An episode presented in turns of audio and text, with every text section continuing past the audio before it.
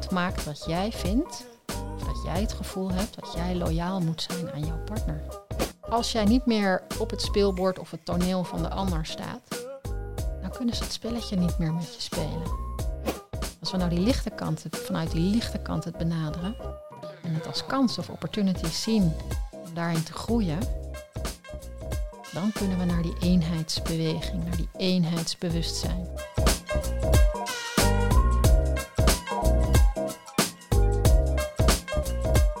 Welkom tot de podcast De Vergeten Groepen, waarin we ons voornamelijk richten op de jongeren en hun ouders met verschillende belangrijke onderdelen van opvoeden en ontwikkelen. Parenting. Dit relateren we dan aan de maatschappij, hoe ze zich heeft ontwikkeld en hoe die zich zal kunnen ontwikkelen en wat wij eraan kunnen doen. Vandaag zijn we op visite bij Zoraida van Weli, eigenaresse van Spirits Coaching in Haarlem. En ze is een zijnsgeoriënteerd coach. Wat houdt dat precies in, Zoraida? Ja, nou allereerst fijn dat, uh, dat we kennis met elkaar hebben mogen maken. En um, dat ik mijn verhaal met jullie mag delen. Uh, zijnsgeoriënteerd coach, ja, dat is een vrij breed begrip. um, is een combinatie tussen dieptepsychologie, psychotherapie en spiritualiteit. En dat gebruik ik eigenlijk veel bij mijn cliënten in mijn coachpraktijk. En daar onder andere visualisaties, lichaamswerk en uh, innerlijk kindwerk, dieptewerk komt daar allemaal bij kijken. Innerlijk kind. Ja, innerlijk ja. kind, ja. Dat zijn delen in jouzelf die in jouw jeugd, vaak in de jeugd komt het terug, uh, niet ontmoet zijn door jouw ouders of opvoeders of nou ja, alles wat je daaromheen hebt meegemaakt. Um, bijvoorbeeld als je heel blij bent en jouw vader of jouw moeder vond dat een beetje te veel, ja. dan werd er vaak gezegd even iets minder, even iets rustiger. Nou, en dan kan je niet je volledige blijheid leven. En uh, dan gaat dat een beetje ondergronds, wordt onderdrukt. Ja, en dan heb je een innerlijk deel wat ondergronds gaat. En zo kan je een heel uh, weeshuis vol hebben, innerlijk weeshuis vol hebben, met allerlei delen die niet ontmoet zijn. Oké. Okay. En wanneer ben je dit ongeveer gestart en waarom? Daar ben ik ook uh, zeer in geïnteresseerd. Waarom je dit op een gegeven moment bent begonnen. Ja, ja. ja. ik ben in 2019 met mijn uh, praktijk gestart. Ja. En dat is eigenlijk voortgekomen uit um, ja, mijn eigen verlangen om me te bevrijden van een aantal patronen die steeds terugkwamen. Waaronder romantische liefdesrelaties die dan niet lekker liepen. En uh, ik snapte maar steeds niet wat er dan verkeerd ging. En ligt het dan aan mij? Of wat, uh, nou ja, hè, die thematiek die ken je misschien wel van, uh, ja, van veel mensen. Um, en toen ben ik gaan, gaan, gaan zoeken naar een, een opleiding. Ook omdat ik voelde in mijn professionele carrière dat ik wel feeling had met coaching. En um, toen ben ik gaan zoeken naar een opleiding waar coaching en wat uh, spiritualiteit kon combineren. Omdat ik niet alleen een cognitieve coaching wilde doen. Uh, omdat ik al veel therapievormen had gehad die vanuit uh, dat, dat veld eigenlijk benaderd werden. En niet zo heel veel voor mij uiteindelijk hebben gedaan. Want ik had nog steeds last van diezelfde patronen. En uh, zo ben ik gaan googlen en uiteindelijk kwam ik uit op zijnsoriëntatie. En toen ben ik dat basisjaar gaan doen. En na dat basisjaar wist ik het zeker. Ik wil, ik wil coach worden hier. En uh, ik ga het derde en het vierde, ja. of tweede, derde en vierde jaar ook volgen. Ja. Want je refereerde net naar ouder, ja, ik, ik noem het nu dan ouderwetse methodes. Cognitieve methodes. En hoe zagen die er dan uit? Ja, nou ja, je kent het plaatje vast wel. Bij de psychiater op de bank en dan je verhaal uh, doen. Oh, en dan ja, na een ja. uur is de tijd voorbij en dan uh, is de volgende aan de beurt. En dan krijg je nog een oefening mee. En dan en... krijg je een oefening mee en dat is het. Ja, dus dat is wel een beetje plat, uh, plat gezegd. Maar zo, komt het wel, zo kwam het wel bij mij over. Het heeft nooit echt um, innerlijk, diep innerlijke verandering gebracht. En eigenlijk meer oppervlakkig of tijdelijk een pleister op de wond, maar de wond is nooit van binnenuit geheeld. En wat was exact de reden waarom je daar naartoe ging? Waarom de... ging je? Waarom had je? Hè, wat was de achtergrond van, ja. jou, uh, van jouw bestaan, zeg maar? Waarom ja. dat? Uh, ja. ja, nou, ik, ik uh, ben opgegroeid. dat, dat weet ik pas sinds een jaar, maar uiteindelijk met een moeder met een narcistische persoonlijkheidsstoornis. En toen dat ik zeven was, zijn mijn ouders gescheiden. Vervolgens uh, ben ik op elfjarige leeftijd bij mijn vader gaan wonen. En uiteindelijk, toen dat ik dertien was, ben ik ook nog in een kinderthuis uh, terechtgekomen. Dus vrij turbulente jeugd. Ja, en dan krijg je met GGZ, jeugdzorg, dat soort dingen te maken. Dus die therapievormen worden dan ook aangeboden. Ja. Dat is standaard, wordt dat aangeboden? Is uh, toen der tijd, dan praat ik inmiddels over 30 jaar geleden, is het, uh, was het vrij standaard. Ik ja. hoor nu van verschillende kanalen dat het wel iets meer maatwerk is en dat er wat meer uh, ook andere invalshoeken gebruikt worden, zoals EMDR of EFT of lichaamswerk, lichaamsgerichte therapieën. Maar ik hoor ook andere geluiden nog steeds van we zitten ook nog in een soort van systeem vast waar we ook nog vasthouden aan het oude.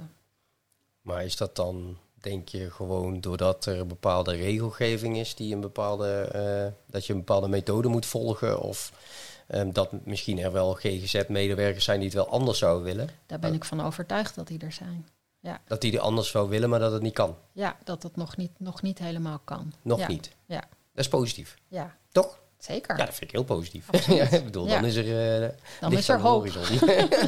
Ja. ja, mooi. Nee, maar als we even terugkijken naar, eh, naar, naar gewoon naar spirits coaching. Ja. Ehm, je had het, ik, ik heb natuurlijk even naar je website gekeken.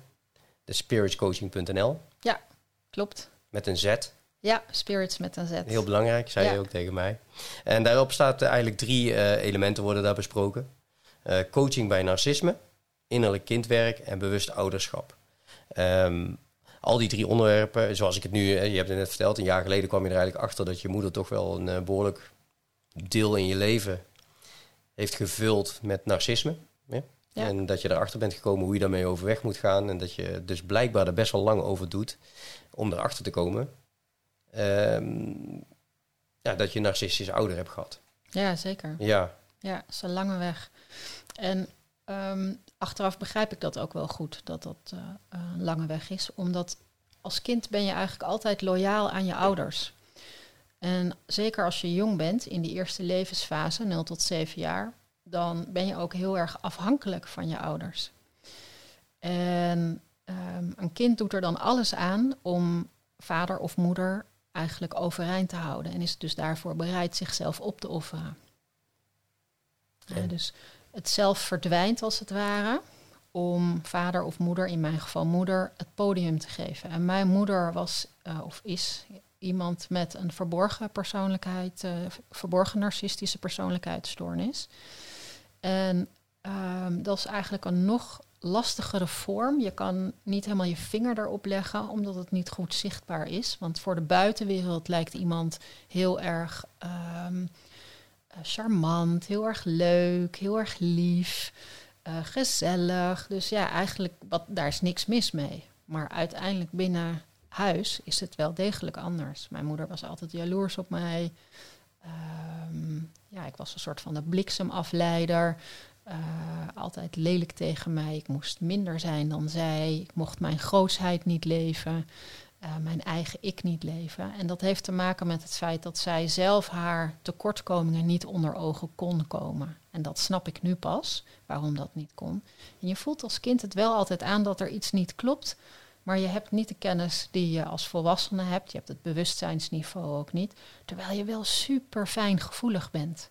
Ja, dus je weet jouw wijsheid, jouw innerlijk weten, weet er klopt iets niet. Mhm. En tegelijkertijd ben je loyaal en cijfer je jezelf weg. Met alle gevolgen van dien. En toen ging jouw vader bij je moeder weg, of ze gingen scheiden in ieder geval. Ja, zij gingen En hoe scheiden. oud was je toen? Zeven. Mijn Zeven. broertje, ik heb een broertje, die was toen drieënhalf. Oké. Ja.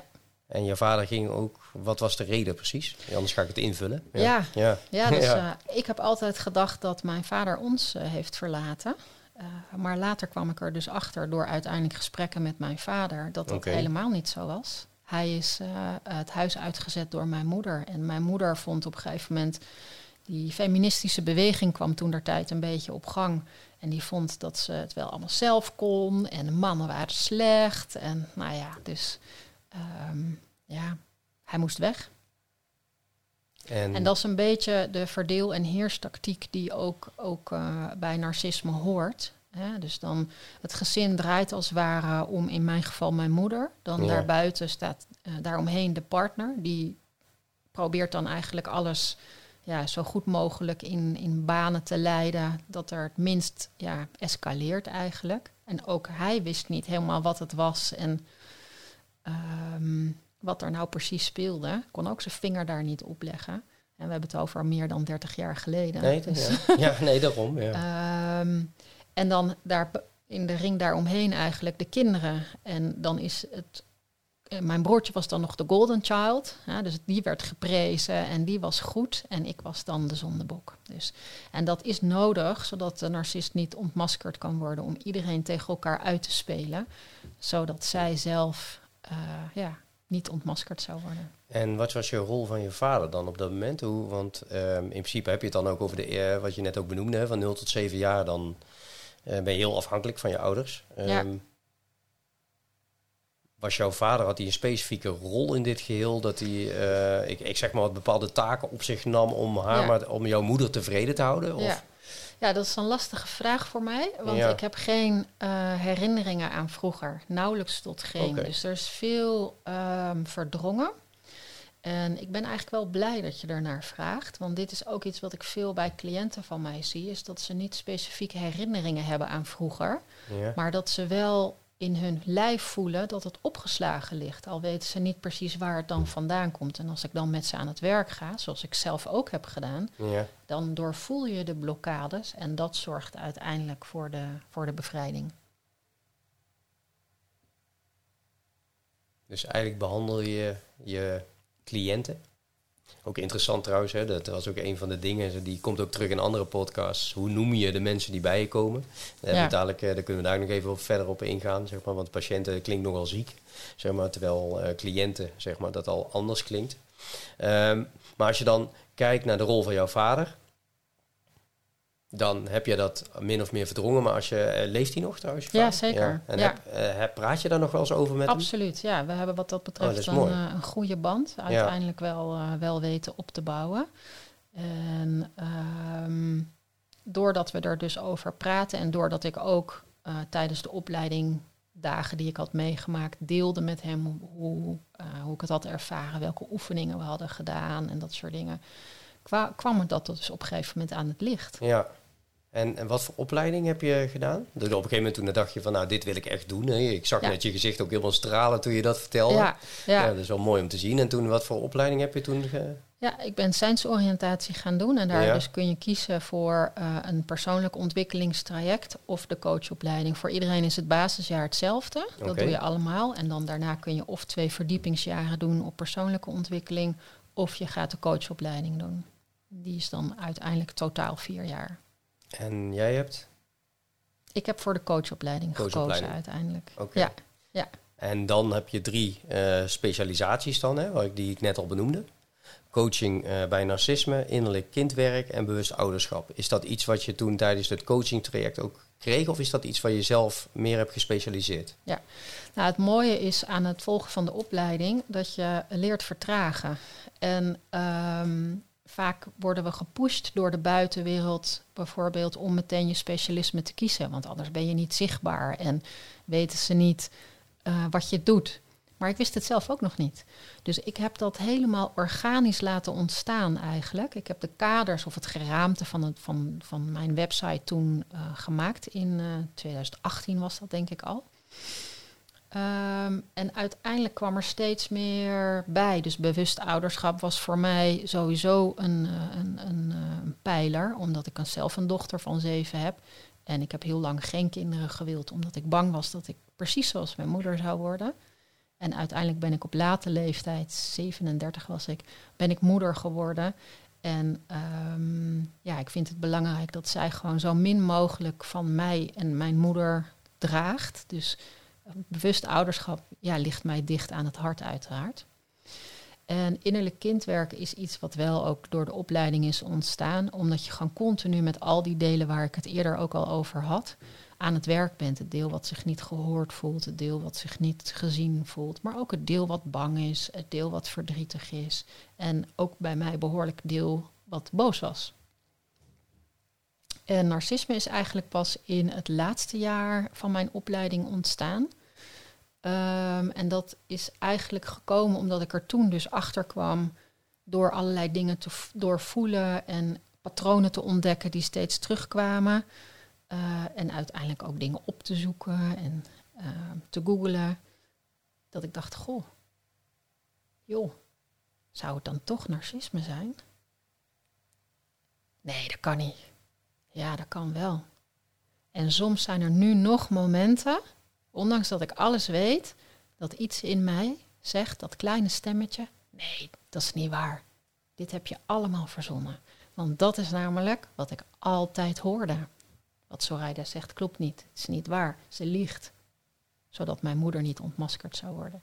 Dus narcisme is ook zeker een van mijn, uh, van mijn persoonlijke pijlers geworden. En ja, waar je zelf uh, ervaringsdeskundige in, uh, in bent, daar voel ik het meest bij om anderen ook te helpen. Te helpen helen, te helpen bevrijden van die erfenis.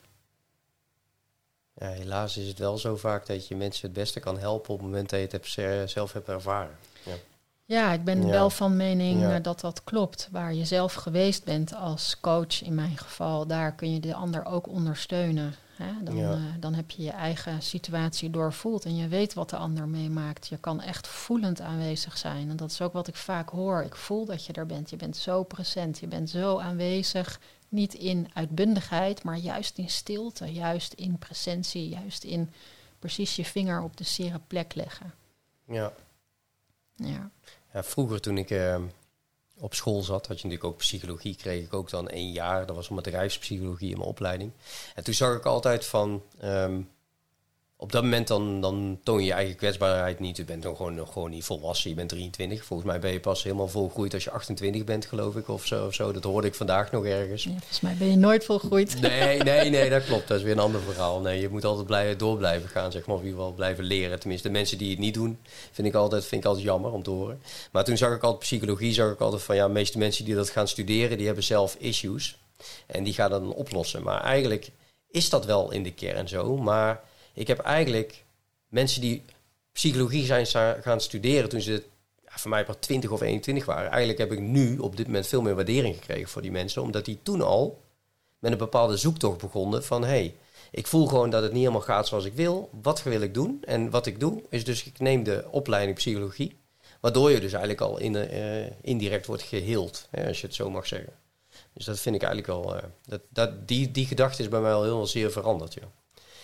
Maar ik wil even een voorbeeld schetsen. Ja. Nou, ik kom jou binnen. En uh, ik zeg van, joh, ik heb, ik heb bepaalde issues. Op de een of andere manier kan ik me, uh, ben ik onzeker.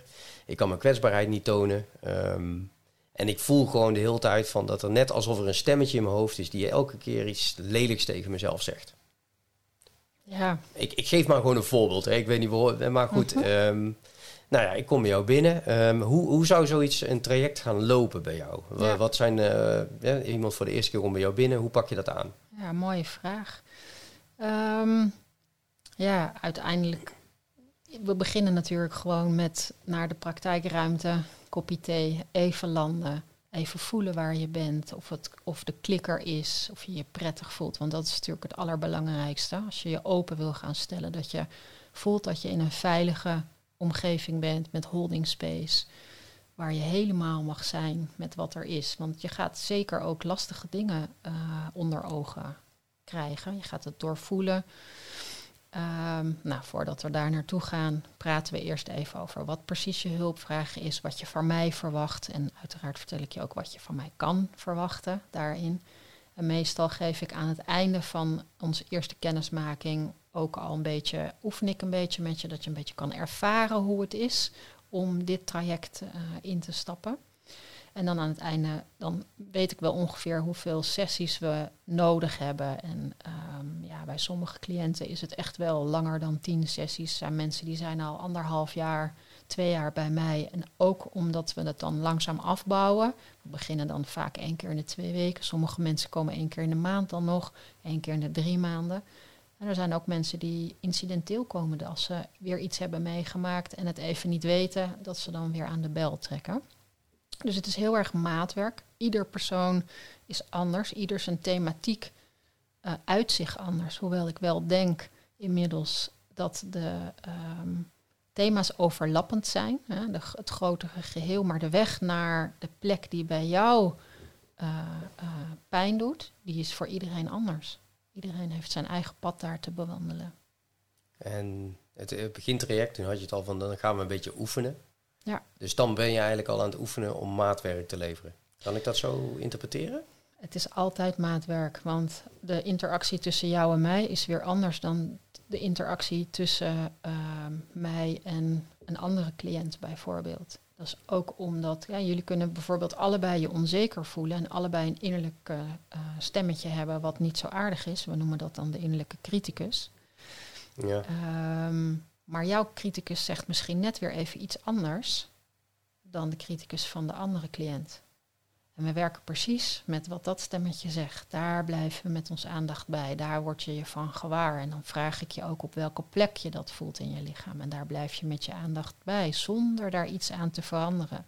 Dus dat noemen we dan voelend aanwezig zijn, present zijn bij wat is. We gaan het niet onderdrukken, we gaan het niet bagatelliseren, we gaan het niet groter maken. We gaan het precies zo laten zijn als het in het hier en nu is. En heel veel van die cliënten, die hebben, uh, neem ik aan, ook kinderen. Ja, sommige niet allemaal. Wel, niet ja. allemaal. En als ja. ze kinderen hebben, uh, hoe gaat zo'n traject? Verwijzen ze ook wel eens naar de kinderen? Of hebben ze ook hetzelfde idee wat jij had? Zo, joh, ik ben me heel bewust van bewust ouderschap. Hè, een van de onderdelen die je ook Ja. toepast. Um, is dat ook van de vragen die ze krijgen? Dat ze zich zorgen maken over hun eigen uh, Ja. manier van omgang? Ja, nou, ik heb inderdaad net als ik zelf mensen die zeggen van ja, weet je, ik wil gewoon uh, het zo goed mogelijk voor mijn kind doen en ik wil niet dat mijn kind mijn shit uh, moet, uh, moet dragen, om het maar even zo te noemen.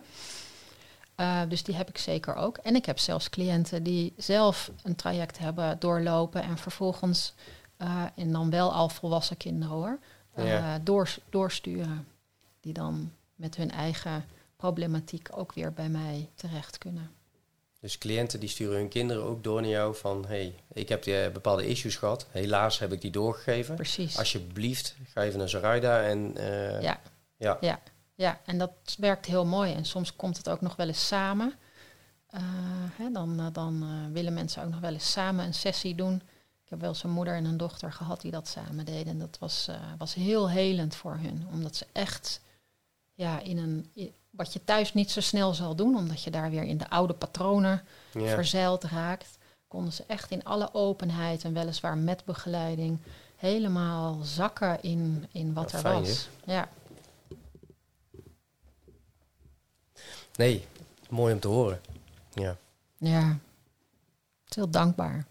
ja, het is heel dankbaar werk ook, ja. Zeker, ja, ja. Ja, absoluut.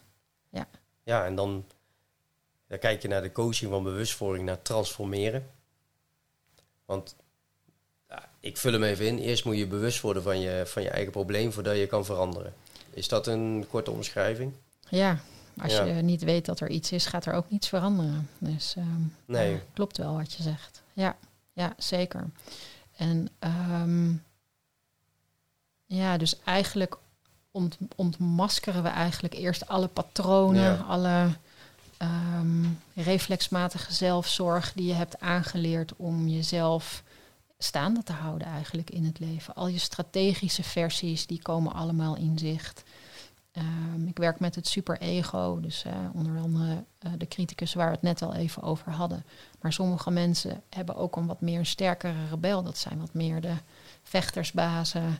Uh, de ander is wat meer onzichtbaar, die is juist wat meer zichtbaar. En de rebel, um, ja, die treedt vaker wat meer op de voorgrond, die blaast zich wat meer op. Maar daaronder zit natuurlijk dat kleine innerlijke kind wat niet gezien is, wat zo graag gezien wil worden, wat verlangt naar erkenning, wat verlangt naar liefde.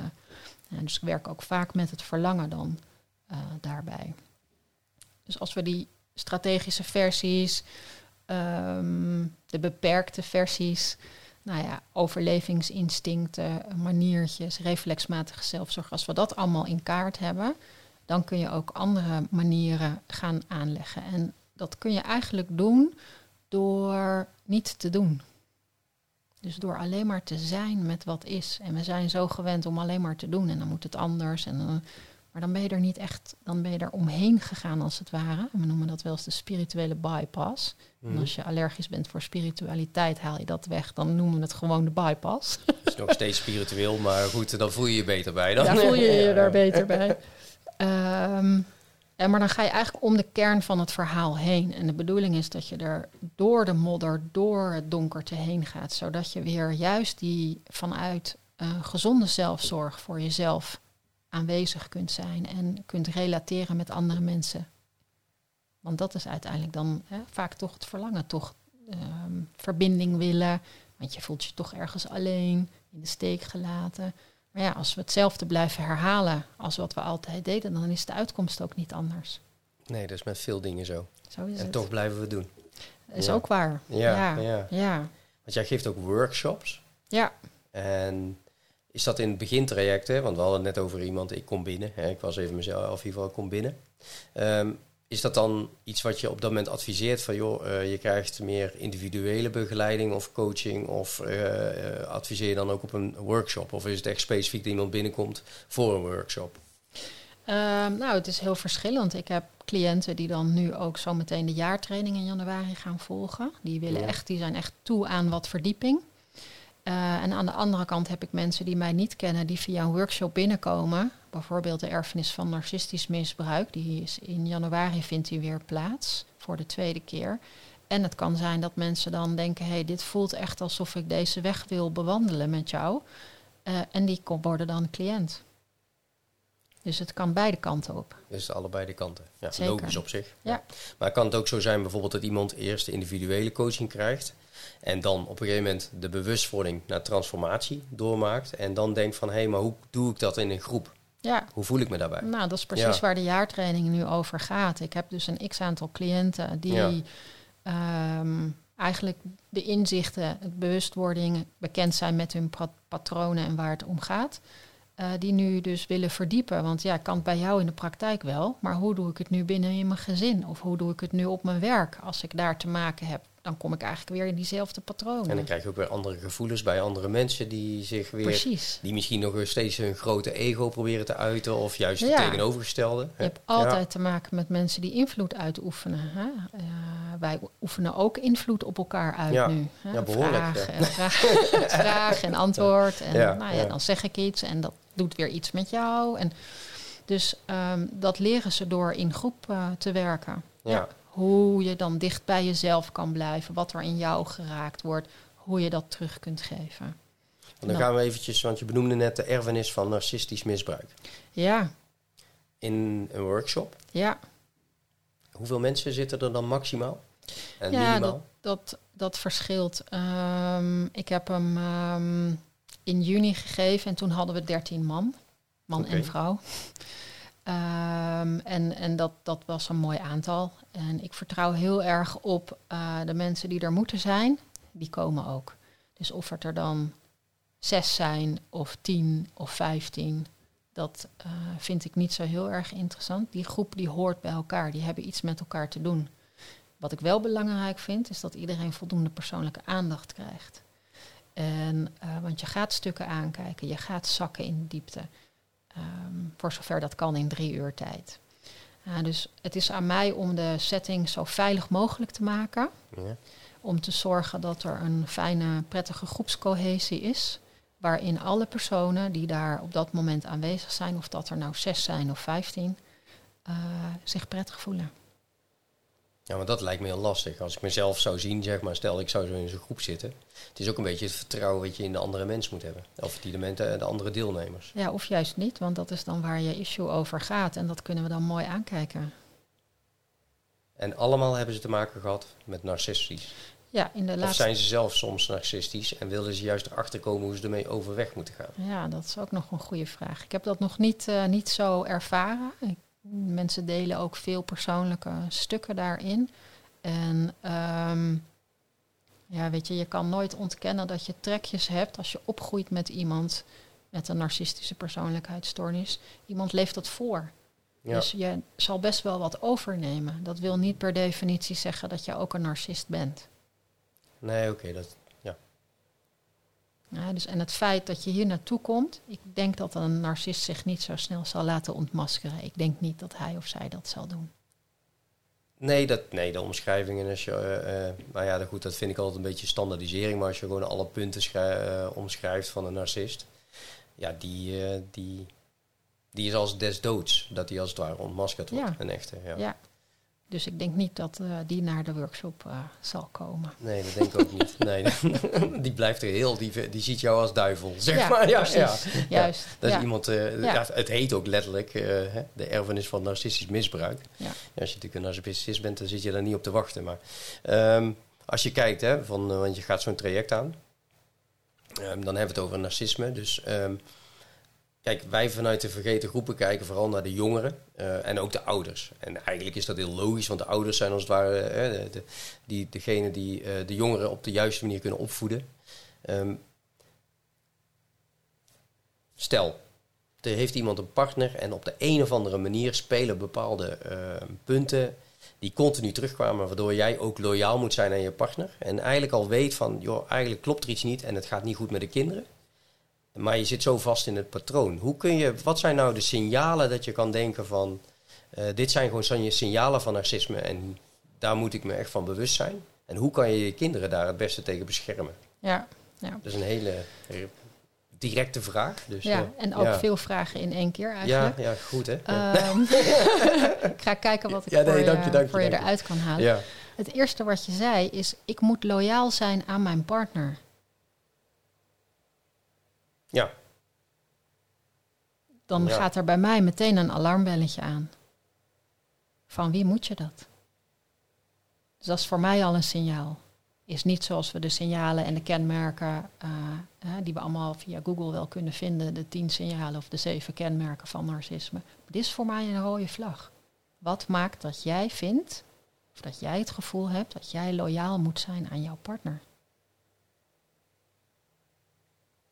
Als je aan mijn dochter zou vragen aan wie zij loyaal moet zijn, en ze weet nog niet zo goed wat loyaal betekent, maar als ik, als ik aan haar vraag, voor, wie, voor wie moet je het best zorgen, dan zegt ze, die en die en die en die, maar het allereerst voor mezelf.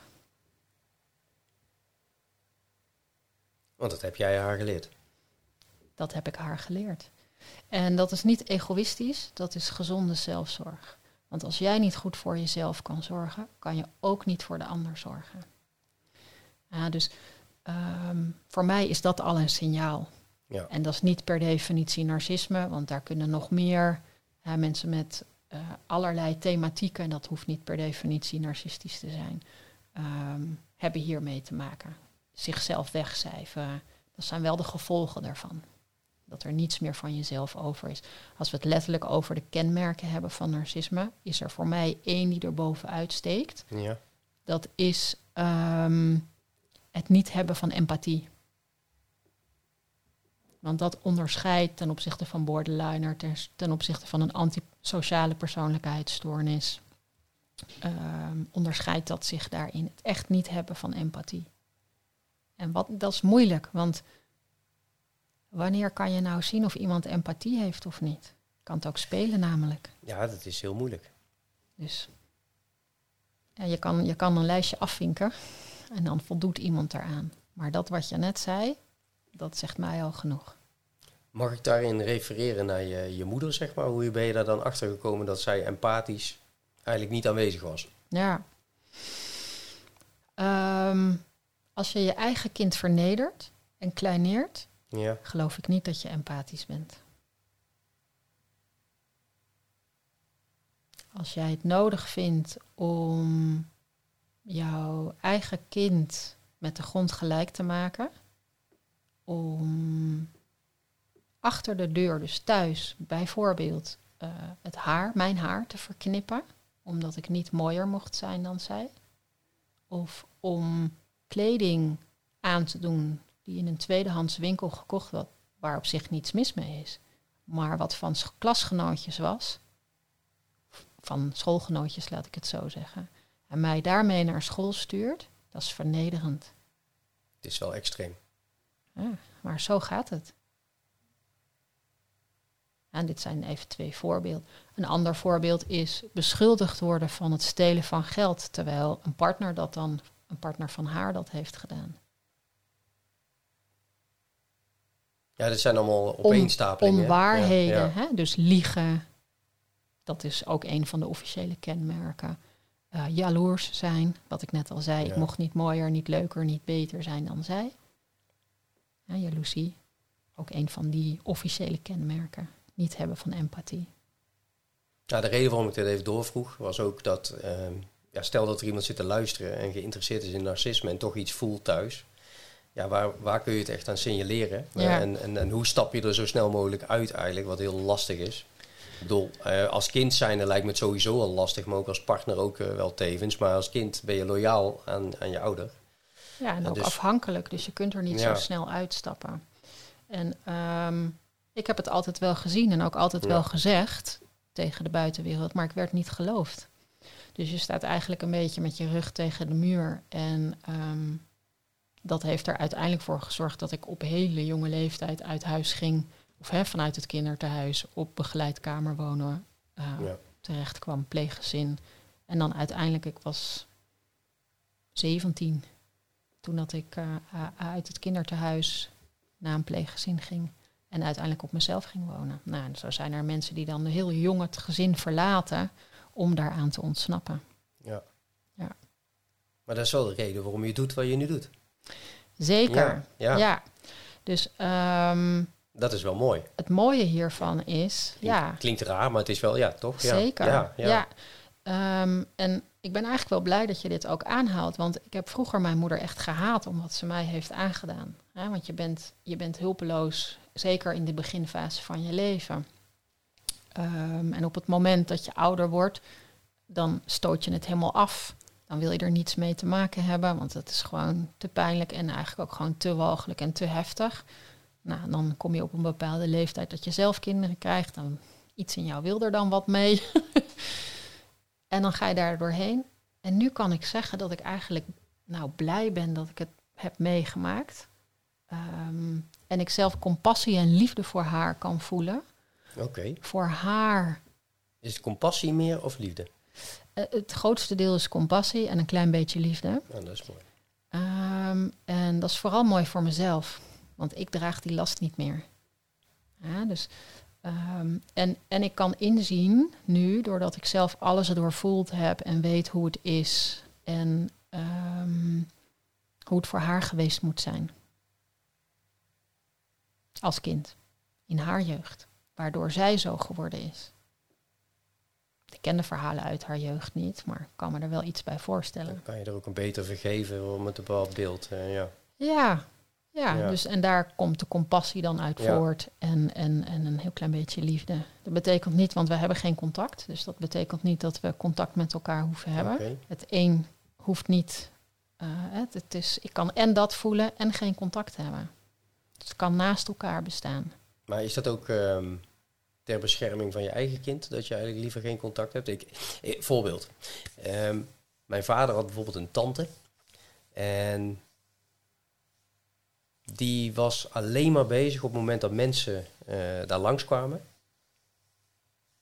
Om opmerkingen te maken, om iemand echt direct in zijn, eh, Ja, op zijn zwakste punt te raken. ja, Dus ik kwam daar en ik ging op dat moment. Ik had een exchange program, dus ik ging naar het buitenland. En ik had ook nog een vriendin. En ik vind het heel knap zelfs haar. Maar ik was al een beetje voorbereid, want ik had die verhalen van mijn vader al gehoord. En ik denk van, nou, eens even kijken. Maar we moesten daar, hij vond het zielig. Hè, ik bedoel, hij dacht van, ja, die, die vrouw heeft niemand meer. Ja, dat is redelijk logisch. eh, op dit moment nog niet, maar als ik daar het verhaal heb verteld wel. Ik kom binnen en het eerste wat ze zegt, oh, je gaat naar het buitenland. Heb je een vriendin? Ja. Nou, dat kun je dan net zo goed nu uitmaken, zegt ze zo, want dat is over. Ze heeft nader nog gelijk gehad ook trouwens, maar het is het fijne. ja, helaas kon ik het dan niet meer vertellen, want ze was er daarna niet meer. Maar het is wel een feit, zeg maar, dat zo Ja. iemand dat direct benoemt. ja. Dus dat is, Ehm, ja. noem ik dan het kleineren van de ander. Hè? Ja. Dat is wat er gebeurt. En ehm,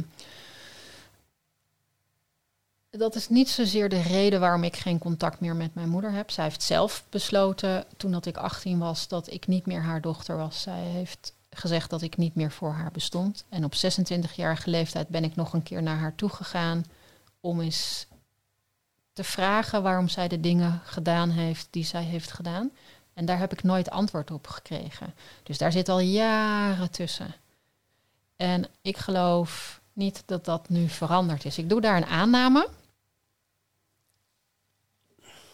Ik weet Ja. het niet, want we hebben Nee, elkaar al die jaren ja. nadat ik 26 ben eh, niet meer gesproken. Ik doe daar een aanname. Maar het voelt, het voelt niet alsof het iets toevoegt in mijn leven. Waarom zou ik iemand, waarvan ik denk dat dat nog niet veranderd is, Ja. waarom zou ik iemand eh, in mijn leven toelaten en mij laten vernederen? Dit gaat over het stellen van gezonde grenzen. Ja. Dit gaat over het, eh, als ik bewust ouderschap neem, hoezo zou ik een narcist bij mijn kind laten? Dat lijkt me is niets bewust aan. Nee. Ja, of je doet dat bewust, maar dan ben je, ben je anders bezig dan waarvoor ik bewust ouderschap eh, inzet. Dus ehm, het voegt niets toe. Ja, maar het lijkt me ook heel logisch dat je dan ook denkt van als het voegt voor jou niks toe. ehm, het voegt dan ook niet veel voor je kind toe. Maar Nee. is dat dan iets wat je... Ja, je hebt een zoon of dochter? Dochter. Dochter? Ja. Ehm, je dochter vraagt die er ooit wel eens Ja, naar? zeker. En ik vertel haar ook wel Ja. eens dingetjes. Ja, ze is nog jong, ze is nog maar zeven, dus Nee, je kan niet alles vertellen. Maar ik, eh, heel simpel voorbeeld. Zij heeft prachtige krullen en er zitten vaak eh, klitten in, 's ochtends als ze wakker wordt. Dus haren kan wel eens een drama. Ja, Nou, dat, eh, dat zullen meer ouders herkennen. ja. Maar mijn moeder, die trok altijd aan mijn haren. En dan kreeg ik met de borstel op mijn hoofd. En nou, er werden allemaal lelijke dingen gezegd. En dat vertel ik haar dan wel eens. Niet zo hoe heftig het was, maar op haar niveau. Eh, omdat ze er ook naar vraagt. Van Ja. ja, maar waarom, waarom deed jouw moeder dat dan? ja. Hè? Ja, omdat ze, omdat ze zo nou eenmaal was. Of omdat ze ehm, vond dat ik niet mooier mocht zijn dan zij. Of niet leuker. Of, en dan ging ze lelijke dingen doen. Dat. ja. Weet je, je, kan, je kan een kind van zeven daar niet van weghouden. Want ze weten het.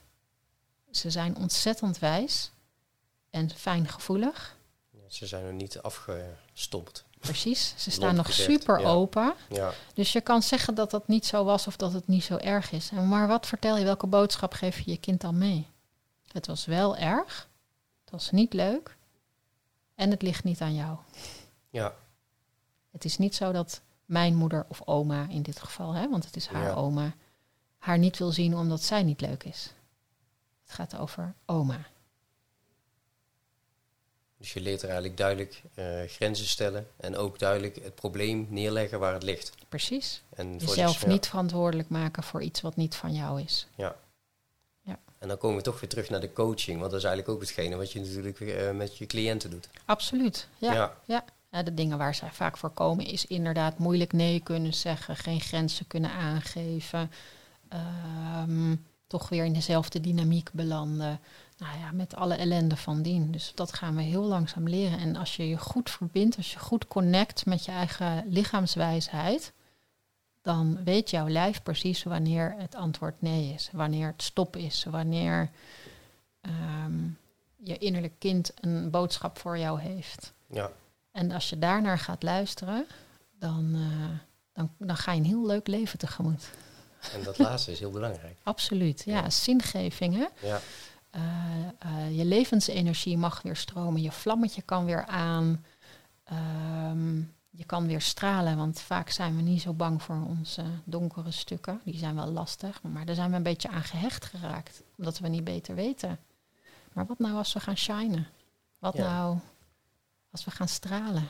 Dan worden we zichtbaar en dat is vaak spannend. en voor zichzelf ook zichtbaar. En dan waarschijnlijk ook voor de andere, andere mens. Mensen Zeker. waar ze mee omgaan. Maar dan, Zeker. ja, dan, zullen er ook wel verschillende cliënten een andere baan nemen.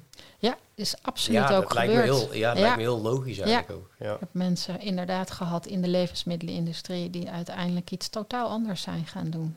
En ik ben daar zelf het levende voorbeeld eh, van. 15 jaar arbeidsbemiddeling en nu totaal iets anders. Toch denk ik dat je eh, bij arbeidsbemiddeling ook wel een bepaald soort coaching en eh, gevoeligheid moet hebben die je daar ook goed kan toepassen, wat je nu ook doet. Alleen Klopt. dan nu doe je het op een compleet andere manier dan.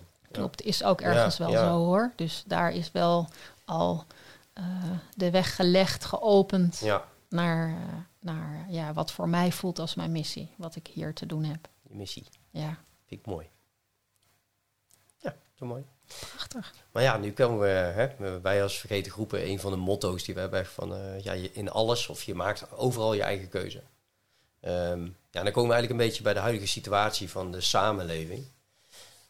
Zie jij ook veel dingen ehm, terugkomen op dit moment waar je denkt van in de samenleving die ook weer slaan op narcisme, en een bepaald soort ja, het afblokken van meningen of wat je, wat je daarvoor mag vinden, zeg maar. Hè? Dus eh, ik bedoel, censuur. Ik las vanmorgen weer dat, eh, of ik het nou wel of niet mee eens ben. Er was iemand die wilde naar Nederland komen, die wilde een toespraak houden over bepaalde denkbeelden die die beste man heeft. Maar die mag Nederland niet binnen. Ik heb dat nog nooit gehoord, zeg maar. Ik zat, ik zat te lezen, ik, ben, ik, ben nog gelezen, ik weet nog gelezen precies waar het, hè, op de, eh, ik, weet, ik ken de man wel. En ik heb ook wel bepaalde dingen van hem gelezen. En ja, het is een beetje surrealistisch voor mij, maar voor iemand anders niet. Maar ik vind het prima als iemand anders dat. Waarom mag die man eh, het land niet in? Ja, dat is een Ehm, mooie vraag. Dat is een hele mooie vraag. Ja. Ja. En eigenlijk vind ik dat eigenlijk wel. Als vertegenwoordiger laat je je zwakheden zien van het land. Hè, Ja. Vind ik. Op het moment dat jij iemand gaat weigeren, dan ten eerste beperk je mensen in hun doen en laten als ze daar naartoe willen. Behalve als die man natuurlijk terrorisme en andere dingen aanbakkert. Maar dat is helemaal niet het geval. Hij heeft gewoon bepaalde denkbeelden. Ehm, maar hoe zie jij dat dan? Want jij hebt natuurlijk heel veel kennis, zeg maar. Of je bent er heel veel mee bezig met narcisme, maar ook met de persoonlijkheden die binnenkomen. Maar ja, als je naar de samenleving kijkt op dit moment, Ja, dan zie je ook bepaalde persoonlijkheden dat je denkt van jongen, jongen, Ja. dat is Ja. gevaarlijk die er daar zitten. ja. ja, ik zie wel overlap in, in, eh, in eh, thema's. Hè. Macht, onmacht, hè, dat, dat voornamelijk.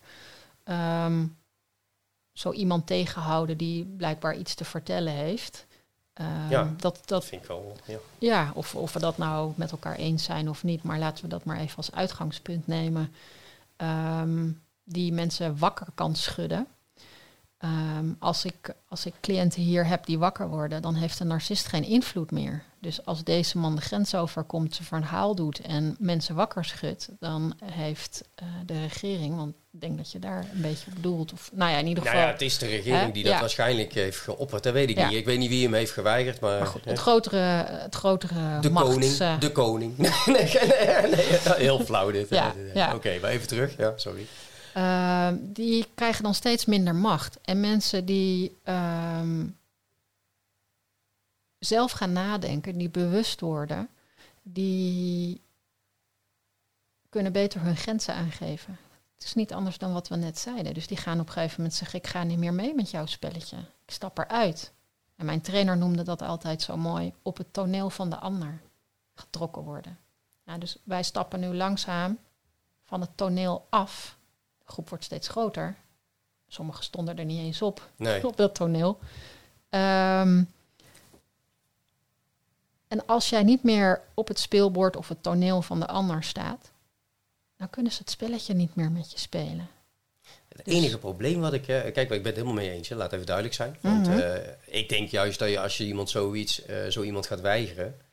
Ten eerste krijg je mensen die denken van... Ja, dat is ook maf, waarom kan dat niet? Dus de mensen die al een beetje hè, daartussenin hangen van... Wat ben je mee bezig? Die zullen langzamerhand meer naar die man toetrekken in plaats van andersom. Dus ik vind het ook tactisch gezien ook niet echt slim. Maar de mensen die juist naar die man willen luisteren... Die worden alleen nog meer getriggerd op die manier. Alleen wat ik dan direct in heel deze zinsbouw... Wat mij nu al irriteert... Is eigenlijk de dualiteit die ik voel. Ja, ja, En die wordt ook continu gecreëerd. Ehm, want waarschijnlijk, eh, ik, ik heb sinds kort eh, voor de vergeten groepen, hebben we ook Twitter. En daar wil, daar wil, ik, helemaal niet, daar wil ik helemaal niet op zitten, zeg maar. Dat, wat, wat daar allemaal naar toe geslingerd wordt, Ja. dat is een en al dualiteit. ja.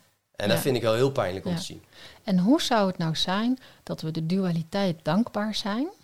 Want die hebben we, we hebben het donker en het licht nodig Ja, om uiteindelijk in eenheid, in het midden, in de balans te kunnen komen. Dus als je kunt zien dat die dualiteit nodig is om onszelf te bevrijden van al deze mechanismes macht-onmacht. Macht versus machteloosheid. Ehm, liefde versus liefdeloosheid. Respect versus, nou ja, ga zo maar door. ja kleur, tegen, ja, et cetera. Ja. Waardering, geen waardering. Hè? Of onderwaardering. Of, nou ja, niet gezien. Dus wat je eigenlijk zegt is van het is eigenlijk heel positief dat het nu gebeurt, want dan gebeurt het tenminste om het te kunnen veranderen. Precies. En zo zie je dus, we lopen daarin kwetsingen op, in dit soort dynamieken. En als je die als kans gaat zien, dan kan je helen. En ook in collectief. In het collectief. Op grotere schaal. En die groep die al wakker was, of die groep die nog niet op, die nooit op dat speelbord heeft gestaan, Ja. die wees toch zijn weg al. Dus die gaat toch die man wel volgen. Die gaat toch die man wel beluisteren. Het gaat juist om de groep die niet weet dat die man bestaat. En die, die is nu alleen maar meer, want van op het moment dat ik iemand ga weigeren, ja, vanuit mijn natuur ben ik juist meer getriggerd van, oh, dan wil ik eigenlijk wel eens weten wat hij zegt. Dus wees dankbaar dat hij hem geweigerd Ja. heeft. Of dat hij, he- wij, de samenleving, eh, de regering, het geweigerd hebben. Want daardoor worden we steeds meer wakker. Ja, dit worden is we nu, steeds ja, meer ja. alert. Dit zijn mooi. kansen. Dit zijn kansen, ja. Ja, je omzet het mooi om. Ja. Maar ook hier, het is een prachtig voorbeeld, zijn we gewend om te denken aan de negatieve kant. We zijn gehecht aan die donkere kant. Maar als we het nou Het strijden. Ja. tegen, Ja. En niet. voor, als we nou die lichte kant, vanuit die lichte kant het benaderen en het als kans of opportunities zien om daarin te groeien, dan kunnen we naar die eenheidsbeweging, naar die eenheidsbewustzijn. En hoe mooi zou dat zijn? Ja, dat is briljant. Toch? Dat lijkt mij wel. En dat is ook een beetje hetgene waar, eh, waar, waar jij natuurlijk ook mee bezig bent en wij ook een beetje. Ehm, om juist te realiseren dat we juist, als we dit doormaken en we gaan trekken meer naar elkaar toe, dat we juist een betere wereld voor de jongeren kunnen creëren. Absoluut. Absoluut. Dat is zelfs de- nalatenschap. Ja, Ja. en misschien zelfs niet de volgende generatie, maar in ieder geval de generatie erop. Want daar ben ik wel echt van overtuigd. Het gaat veranderen. Ja. Het gaat absoluut vooruit. Het is al aan het veranderen. Ja. Het is al aan het Dat gebeuren. voel je ook, hè? Je Het merkt Klinkt het. stom, hè? Ja. Ja. En soms gaan we door donkere periodes. En dan komt er weer iets meer ruimte. En alles wat er nu, de agenda die nu uitgerold wordt, is allemaal nodig om onszelf te bevrijden. Om onze authentieke zelf te kunnen leven. Om een authentieke rechtsmaatschappij te kunnen vormen. Om essentie te zijn, te leven. ehm, om zingeving te ervaren. Ja, dankjewel. Heel graag gedaan. Ja, nou, ik vond het een heel mooi gesprek. De reden waarom ik ook eh, heel geïnteresseerd in je persoonlijke ervaringen was en ook hoe je dat hebt vertaald naar iets heel positiefs, wat je ook eigenlijk al net eh, afsluit in deze periode, eh, was ook omdat je dan ook een persoonlijke verwijzing krijgt naar de soort coaching die jij geeft als persoon zijnde. En ik denk dat dat heel belangrijk is. En zeker op het moment dat je ehm, geen GZ-psycholoog bent, et cetera, die bepaalde eh, materie volgt, ehm, maar gewoon je eigen pad eigenlijk kiest in je bepaalde coaching, waardoor je ook maatwerk kan leveren. Absoluut. Want anders kan Ja. dat denk ik ook niet. Ja. Denk ik. Ja. Nee, en, en ehm, de enige voorwaarde die er bij mij is, is dat iemand bereid is. Voor de rest weerstand. Alles verdriet, pijn, alles mag er zijn. Er is oordeelloosheid hier. Eh, er is een veilige plek om ja, op alle plekken te kunnen voelen wat er werkelijk speelt. En ik hoop dat we dat, als ik dat voorleef, en dat veel meer mensen dat ook kunnen gaan leven, dat we als collectief ook steeds meer onze essentie, onze waarheid, onze plek, onze authenticiteit, authenticiteit kunnen gaan eh, in de wereld kunnen gaan zetten. Dat zou ik mooi vinden. Vind ik een hele mooie afsluiter eigenlijk ook wel. Dan wil ik alleen nog eventjes zeggen van hoe kunnen ze jou het beste bereiken? Want je woont in Haarlem, dus in die omstreken. Ehm, sommige mensen die wij, waar wij podcasts eh, mee hebben, die doen het ook online. Ja. Ik denk, ik weet niet of jij dat ook doet. Ja, ik doe ook online en er zijn zelfs mensen die van heine en verre toch ook hier naartoe komen, omdat ze het gewoon heel fijn vinden om hier fysiek aanwezig te zijn. Ehm, en nou ja, daarnaast kan je inderdaad online of op locatie soms een workshop volgen. Eh, en dat is dan meestal in de regio Utrecht, omdat dat wat meer centraal is. En is dat dan, be- doe je dat ook voor bedrijven? Of eh, voor, voor, voor wat voor Ik groepen? coach ook eh, ehm, personeelsleden van bedrijven, maar dan wel op persoonlijk vlak. Oké. Ja, Zo, dus het ja. kan wel zijn dat je bijvoorbeeld je onzeker voelt, waardoor je op het werk minder assertief bent. En dan gaan we daarmee werken. Maar ik ga je geen assertiviteitscursus geven. nee, oké. Ik ga met je aan het werk waar die onzekerheid vandaan komt. Dan word je automatisch al assertiever, denk ik. Uiteindelijk is dat wel de bedoeling, ja. ja. ja. Nou, dankjewel. Heel graag gedaan. Jij ook bedankt. Ja, nou, spiritcoaching.nl met een Z, nogmaals. En eh, dankjewel voor het gesprek. Ik vond het erg leuk. Eh, ook eh, voor het gesprek trouwens. Maar ja, dat is niet interessant voor de luisteraars.